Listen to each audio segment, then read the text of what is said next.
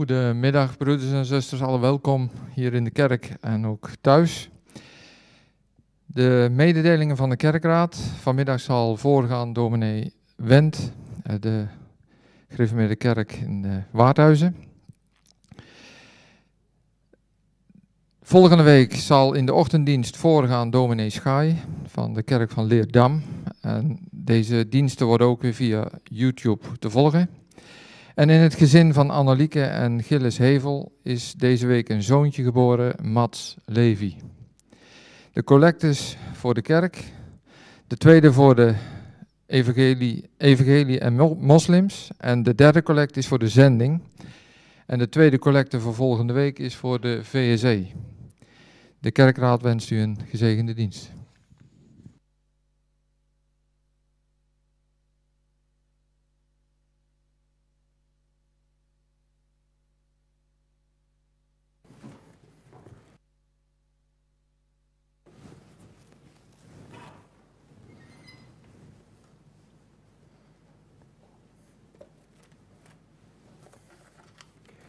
Goedemiddag, broers en zussen. Ik heb de laatste preek in de serie over Johannes mee. Hebt u ze bijna allemaal gehad, op twee na. En het gaat over uh, de ontmoeting van de Jezus met de Samaritaanse vrouw en het gesprek wat hij daarna heeft met zijn leerlingen, dat de velden rijp zijn voor de oogst. En in dat gesprek noemt de Heer Jezus zich, of uh, zegt hij tegen de vrouw dat hij levend water geeft. God is de levensbron. Dat gaan we zingen naar Fotum en Zegengroet, Psalm 68, vers 2 en 10. Laten we eens gaan staan en onze afhankelijkheid beleiden van de Heer.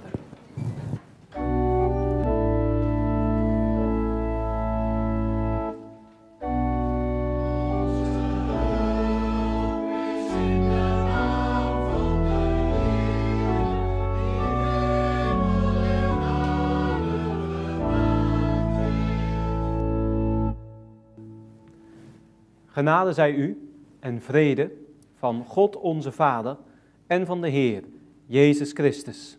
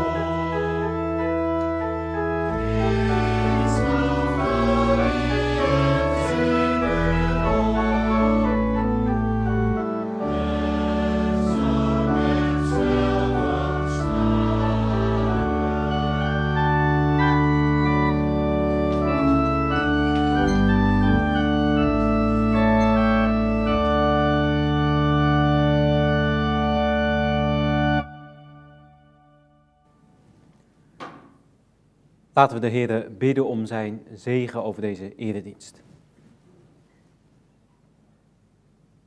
Ja, Vader, bij U is de levensbron. U bent het die ons het ware leven geeft. En dat ware leven is dat wij U kennen en Jezus Christus die door U gezonden is. Heer, U bent de levensbron.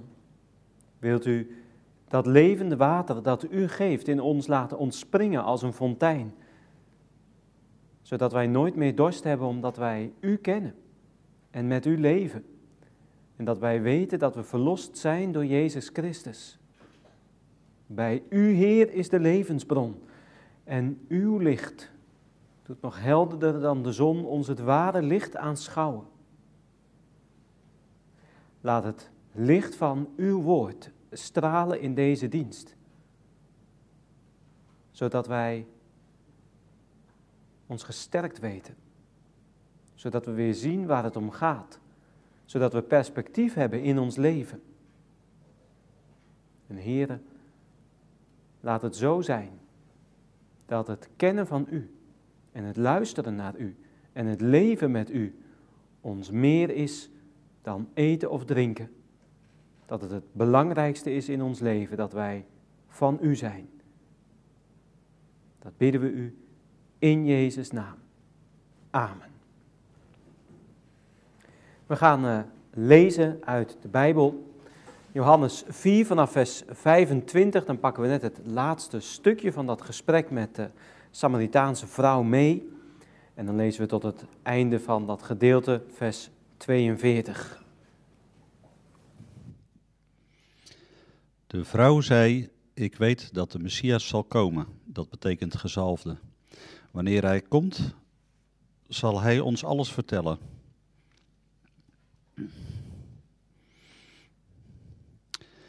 Jezus zei tegen haar: Dat ben ik, degene die met u spreekt. Op dat moment kwamen de leerlingen terug en ze verbaasden zich erover dat hij met een vrouw in gesprek was. Toch vroeg, vroeg niemand: Wat wilt u daarmee? Of waarom spreekt u met haar? De vrouw liet haar kruik staan, ging terug naar de stad en zei tegen de mensen daar: Kom mee, er is iemand die alles van mij weet. Zou dat niet de Messias zijn? Toen gingen de mensen de stad uit naar hem toe.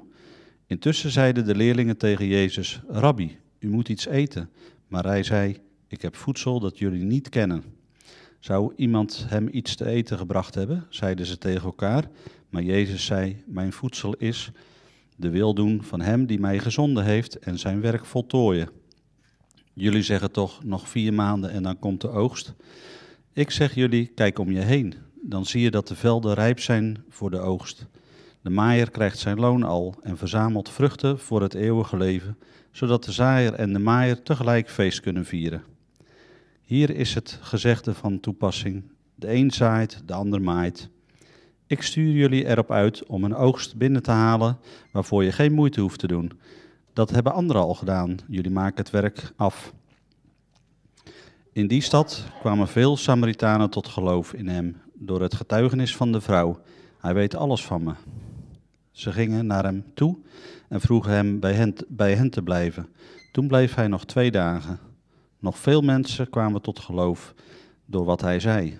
Ze zeiden tegen de vrouw: Wij geloven nu niet meer om wat jij gezegd hebt, maar we hebben hem zelf gehoord en we weten dat hij werkelijk de redder van de wereld is.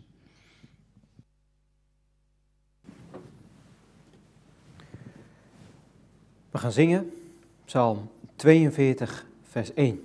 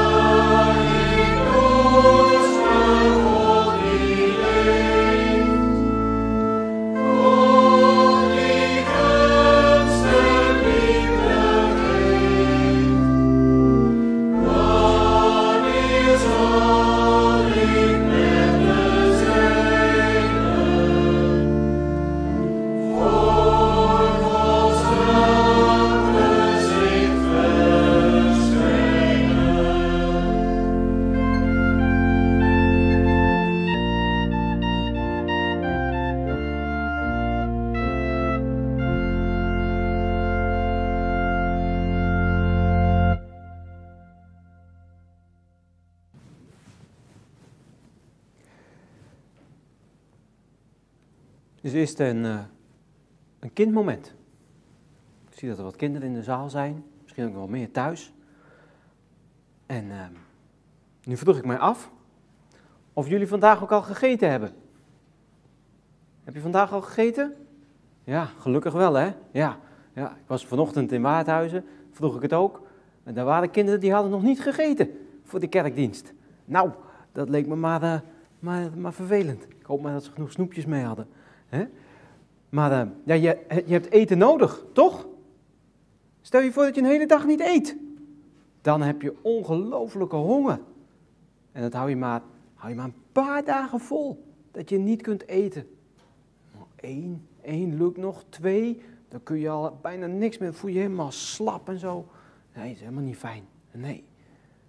En zo, zo was het bij de Heer Jezus ook. De Jezus had samen met zijn eh, leerlingen een heel eind gelopen. En toen kwamen ze bij een, bij een stadje, Sigar heette dat stadje. En daar gingen ze uitrusten. Dat was een, een bron, daar kon je water uithalen. En dan kon de Jezus even rustig zitten. En de leerlingen, de discipelen, die gingen eten ophalen. Zodat de Jezus ook wat te eten zou hebben. Want hij had honger na die lange reis. Nou, die discipelen zijn weg, dan komt er een mevrouw, daar heeft de Jezus een gesprek mee. En komen de discipelen terug, die mevrouw die gaat weer weg. En dan zeggen ze, hier, meester, leraar, uh, hier is eten, want u had toch honger? Maar dan gaat de Heer Jezus helemaal niet eten. Terwijl hij honger had. Nou, als je honger hebt, wil je toch wat eten? Ja. Maar toen zei de Jezus, ik heb, ik heb nog ander eten. Nou, wat voor eten dan? En zegt de Heer Jezus, ik, voor mij is eten minder belangrijk dan dat ik doe wat God wil. Dat vind ik belangrijker dan eten. Nou, dat is ook wat. Daarmee bedoelt de Heer Jezus, ik ben nu bezig met die mevrouw en, en met die mensen hier in het dorp en dat moet eerst af en daarna kan ik weer aan eten denken. En God zegt dat ook tegen ons. Op een andere plek zegt hij, je leeft niet van brood alleen, maar van elk woord dat ik heb gesproken. Dat liedje ken je ook wel. Gij zult niet leven van brood alleen. Maar ja, wat heeft de Heer dan allemaal gezegd? Wat heeft de Heer allemaal gezegd? Dat staat allemaal hierin, in de Bijbel. Dat heeft de Heer allemaal gezegd. En dit is net zo belangrijk als eten, elke dag. Als je niet hebt gegeten, kun je niet slapen van de honger. Als je niet de Bijbel hebt gelezen op een dag, zou je eigenlijk ook niet moeten kunnen slapen. Want dan zou je ook honger moeten hebben naar wat God zegt. Dat is net zo belangrijk. En dan moet je elke dag een stukje lezen. En dan zo elke keer van voren naar achter, heel de Bijbel door. Net zolang als je leeft, elke keer opnieuw. Want elke keer ontdek je weer nieuwe dingen. En elke keer is het God die tegen je spreekt. Dat is net zo belangrijk als eten. Dus zeg maar tegen je ouders, papa en mama, elke dag, s ochtends, s avonds, even een stukje lezen. Net zolang dat we hem helemaal uit hebben en dan gaan we weer opnieuw. Nou, we gaan over die woorden nog wat verder nadenken in de preek. En na de preek zingen we op toonhoog 238, de versen 1 tot en met 3. Zoek eerst het koninkrijk van God. Men kan niet leven van brood alleen en bid en u zal gegeven zijn. Dat na de preek over het gedeelte dat we hebben gelezen.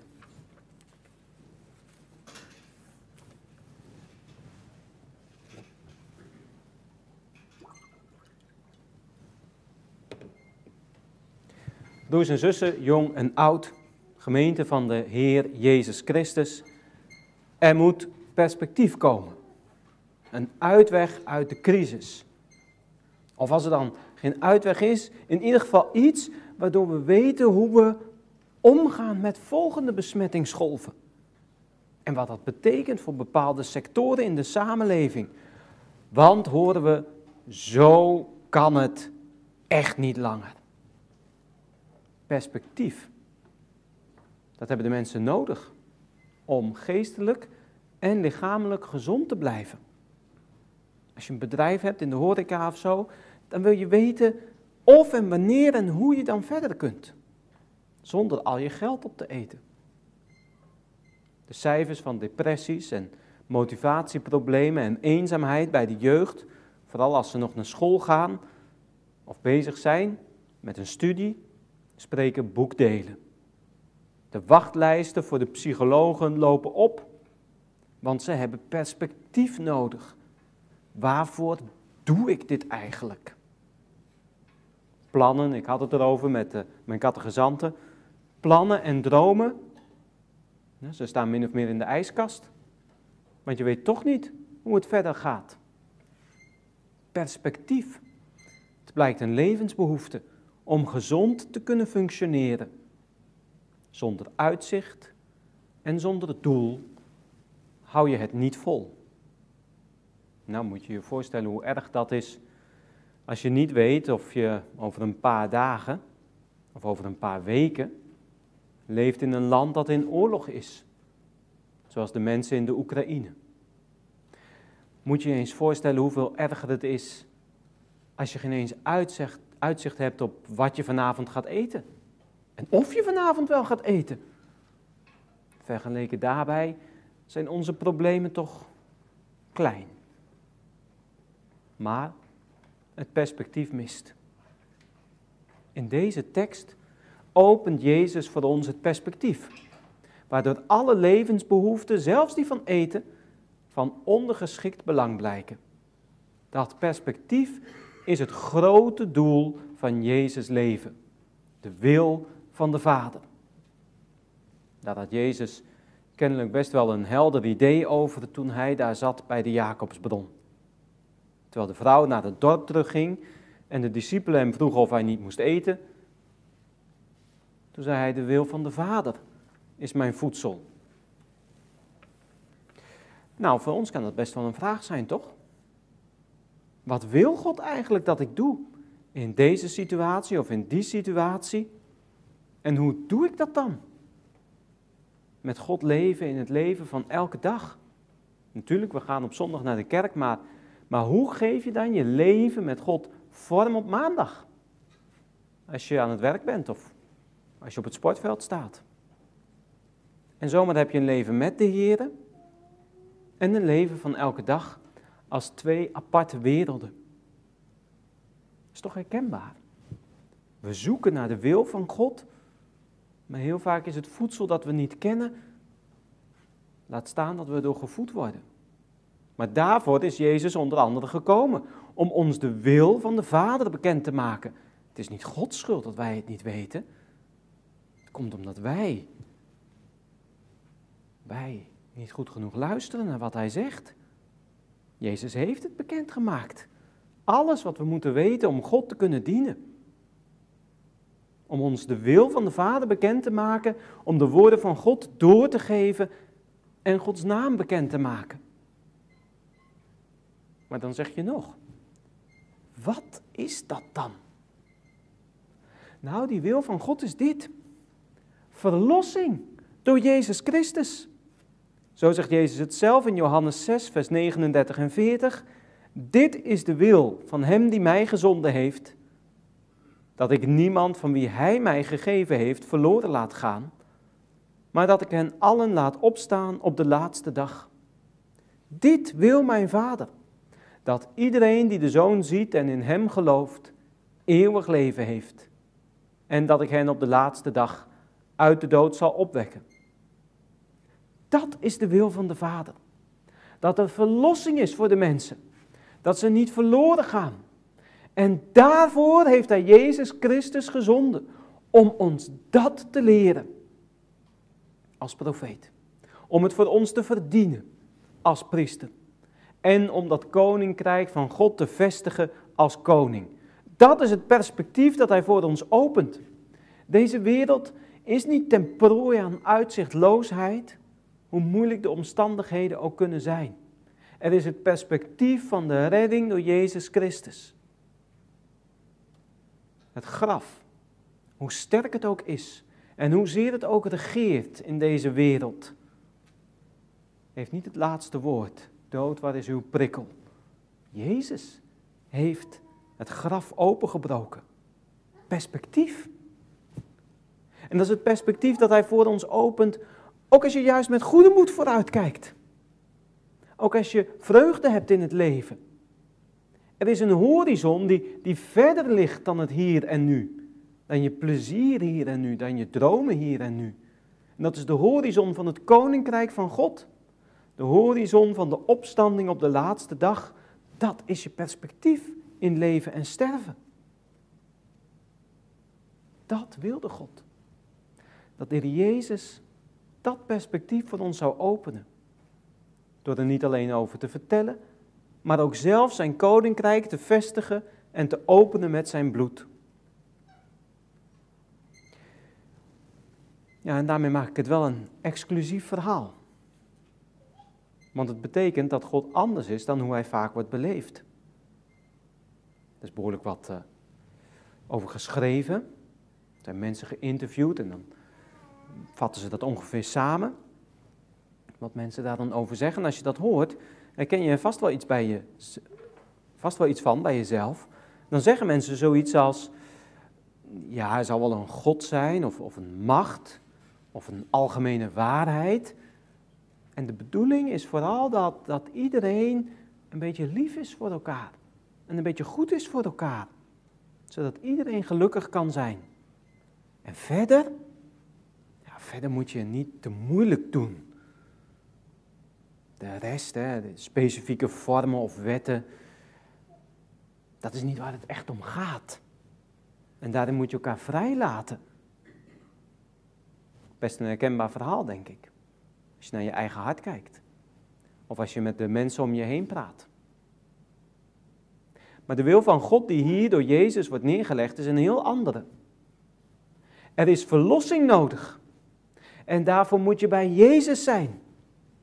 Het geloof in Jezus is een exclusief verhaal. Het is de boodschap van een gekruisigde Christus. Die de enige weg is naar de Vader. Want alleen zijn bloed is het bloed van het nieuwe verbond waarin wij met God leven.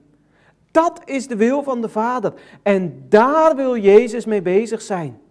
Dat is voor hem belangrijker dan eten.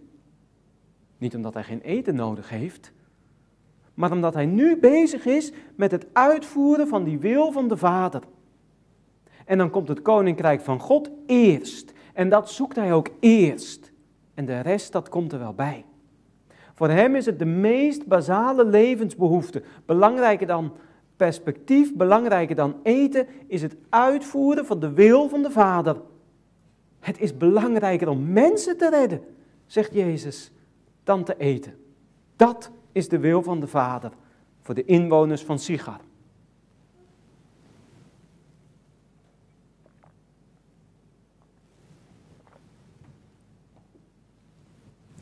Daar waren we. Weet je nog? De Jezus rustte uit bij een put, bij een bron. Hij had daar een gesprek met een mevrouw. Die was tot geloof gekomen, naar het dorp gegaan, waar ze zei: Hij weet alles wat ik ooit heb gedaan. En die bewoners van Sigar, die, die komen nu met haar mee terug naar die bron. En in de tussentijd, die, die 15, die 20 minuten die daarvoor nodig zijn, in die tussentijd heeft de Heer Jezus dit gesprek met zijn discipelen. Hij is dus volop bezig met die opdracht van zijn vader. Met de wil van zijn vader en om, en om die naar een goed einde te brengen.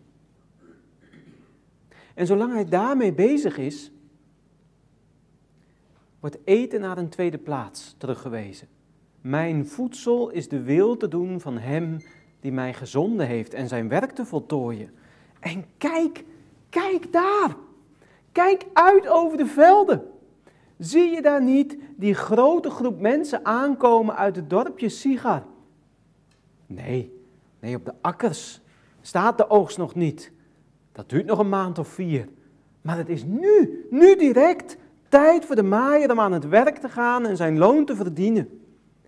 Want de oogst zijn de mensen uit Sigar, die als vrucht van de verkondiging bij elkaar gebracht moeten worden, om op de laatste dag bij de opstanding van de doden aan God de Vader te worden aangeboden.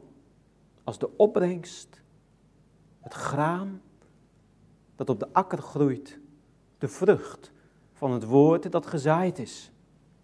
Aan het werk, leerlingen van Jezus. En zo zeg ik het tegen jullie. Aan het werk, leerlingen van Jezus. U en ik, zoals we hier zitten.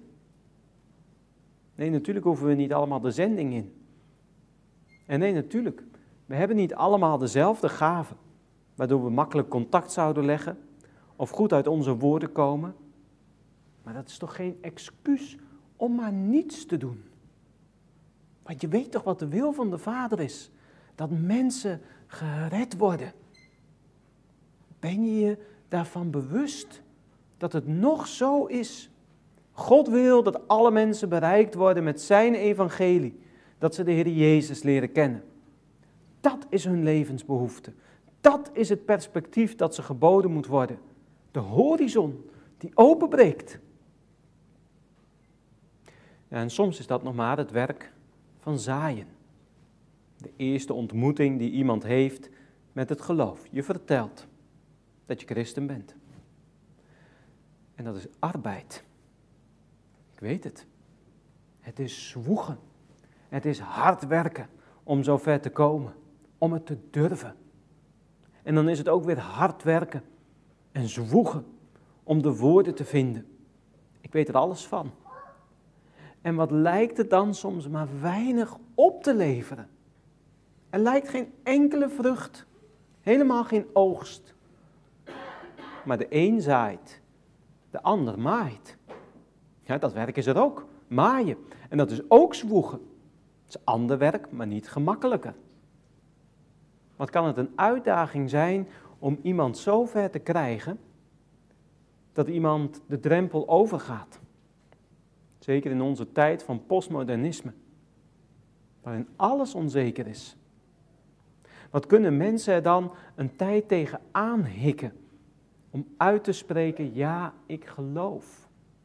Zwoegen kan het zijn om daarnaast te staan. Maar dan is er ook oogst.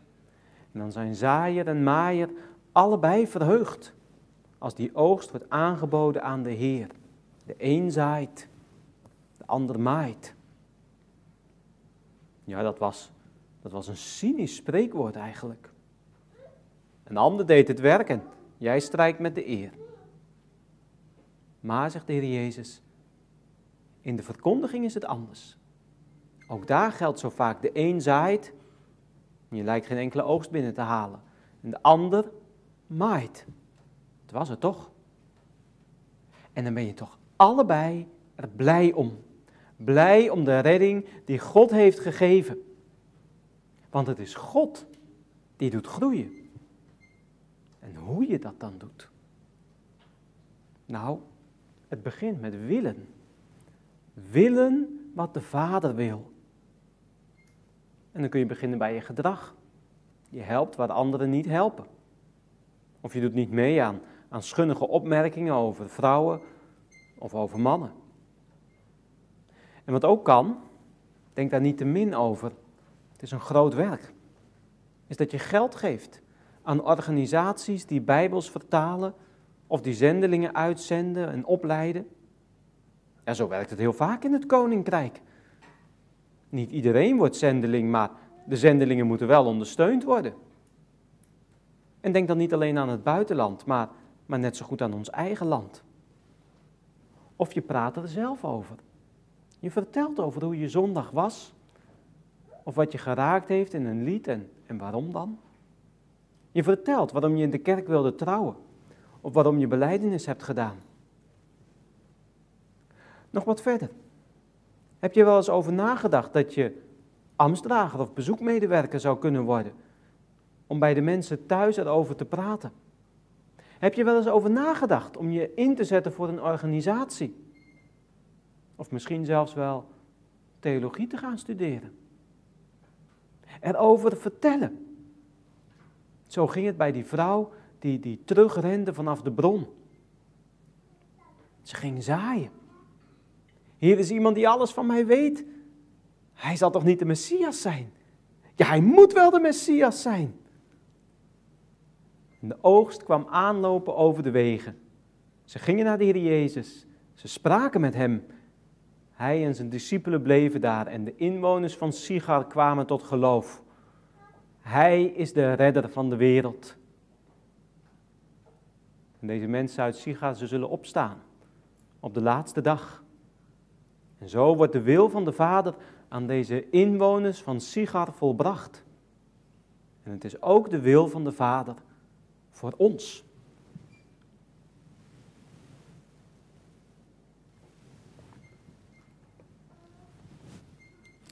Ja, ook voor ons geldt dat de wil van de Vader ons voedsel is. Zoek eerst het koninkrijk van God en zijn gerechtigheid en de rest krijg je erbij. Op Gods moment. En dan is de wil van de Vader dit. Geloof. Geloof in deze redder van de wereld. Geloof dat Hij je leven heeft gered van het oordeel. Geloof dat je alleen bij Hem woorden van eeuwig leven vindt. Geloof dat Hij je leert hoe een leven eruit ziet waar God blij van wordt. Geloof dat je alleen door Zijn geest kunt leren om zo te leven. Geloof in de Heer Jezus Christus, want Hij is het die zich gevangen heeft laten nemen in de hof van Gethsemane. Nadat Hij dat eerste deel van zijn taak volbracht had, ons bekendmaken met wat de Vader hem had opgedragen. Hij is het die zich gevangen liet nemen en liet geeselen en liet veroordelen, zonder ooit enige zonde gedaan te hebben. Hij liet zich aan het kruis slaan. Jezus Christus. En in de drie uur van duisternis heeft hij de toren van God over onze zonde gedragen. En toen riep hij, het is volbracht. De redding die de Vader wil brengen, heeft Jezus volbracht. Het was hem meer dan brood. En bij hem moet je zijn voor je verlossing. Dat, mijn broer en zus, dat is onze eerste levensbehoefte. Daar begonnen we toch mee? Wordt gesnakt naar perspectief. Dromen en plannen worden in de ijskast gezet, want hoe gaat het verder? En ja, dan kan het voelen alsof je in een gesloten huls zit, vast in een leven, vast in de normen en waarden, vast in regeltjes. Wil je eruit breken? Dat kan niet. Er zijn mensen die het zo voelen. Of je denkt, wie ben ik eigenlijk? En wat ben ik eigenlijk? Wat vind ik en waar ben ik naartoe op weg? Er zijn ook mensen die dat voelen. Een verlangen naar uitzicht. Zoals de vrouw uit Sigar verlangde naar uitzicht. En dat uitzicht heeft de Heer Jezus gegeven. Midden in alle verdriet en in alle vreugde is dit het uitzicht. Het perspectief op het begin van het eeuwige leven nu. Het perspectief op je redding van je zonde en opstanding op de laatste dag. Wie ben ik? Wat ben ik? Ik ben Gods kind.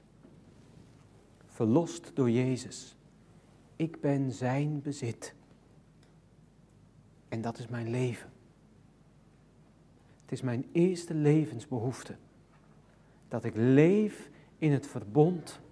Want in dat verbond spreekt God ons zo aan. Ik ben de Heere, uw God. Mijn God is Hij.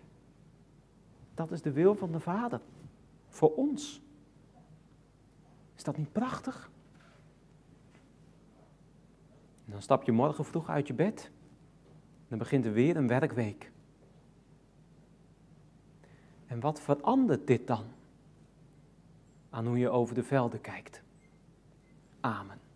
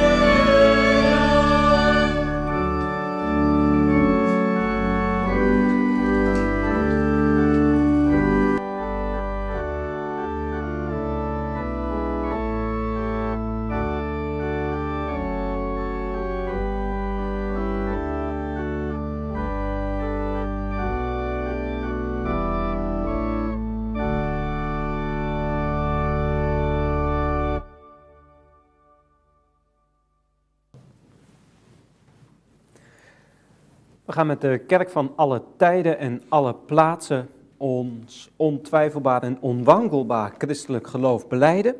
Met de geloofsbelijdenis van Nicea. En daarna gaan we dat ook uitzingen dat die stad van God, kerk is de stad van God, dat die veilig is. Psalm 125, vers 1 en 2, na de geloofsbelijdenis. En daarbij gaan we staan.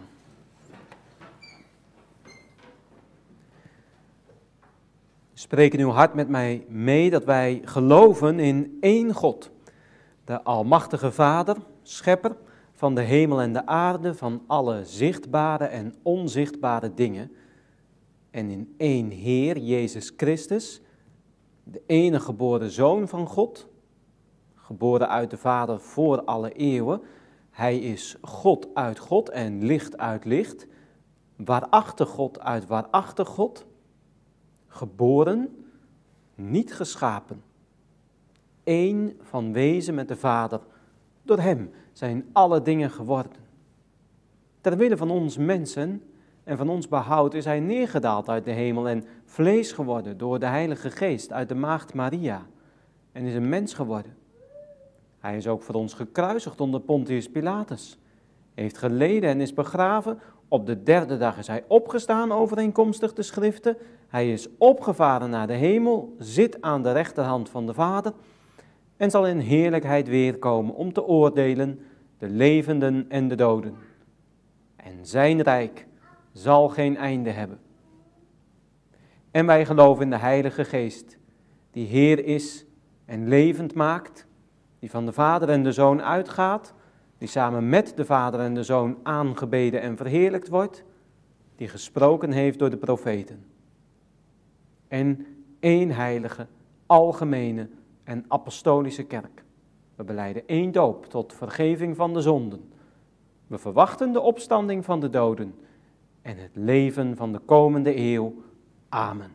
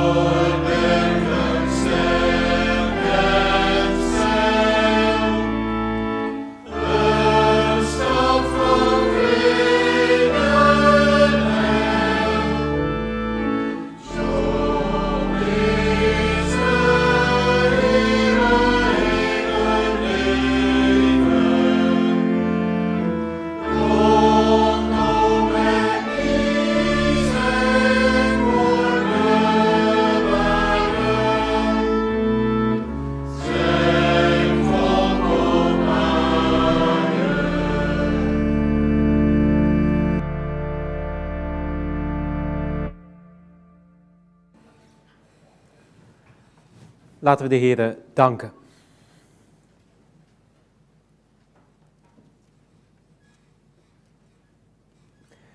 Vader in de hemel, dank u wel dat u ons als uw volk, het volk van uw verbond, ons geroepen hebt uit de duisternis naar uw wonderbaarlijke licht.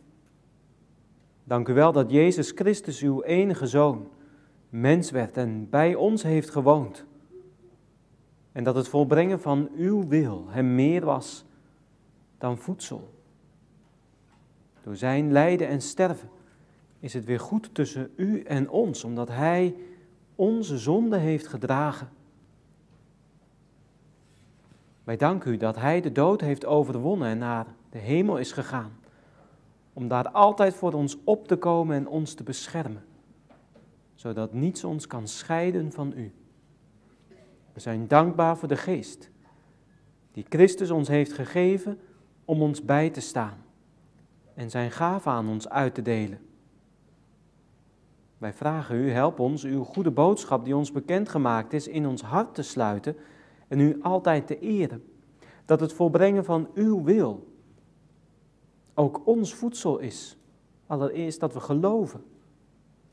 En dat we ook uw wil, dat uw evangelie bekend wordt over heel de wereld, dat we daarmee bezig zijn. Dat we zelf zaaien en maaien wanneer de kans zich voordoet. Dat we het werk dat daarin gedaan wordt ondersteunen. Dat we ervoor bidden. Heren, help ons daarbij en geef ons de moed en de kracht en de wijsheid en de gaven door uw Heilige Geest. Dit bidden wij u in de naam van Jezus Christus onze Heer. Amen. Het is tijd voor de collecte. Die is voor kerk, evangelie en moslims en zending, zoals afgekondigd aan het begin. En ons laatste lied is uit het oude gereformeerde kerkboek gezang 108. Halleluja, eeuwig dank en ere.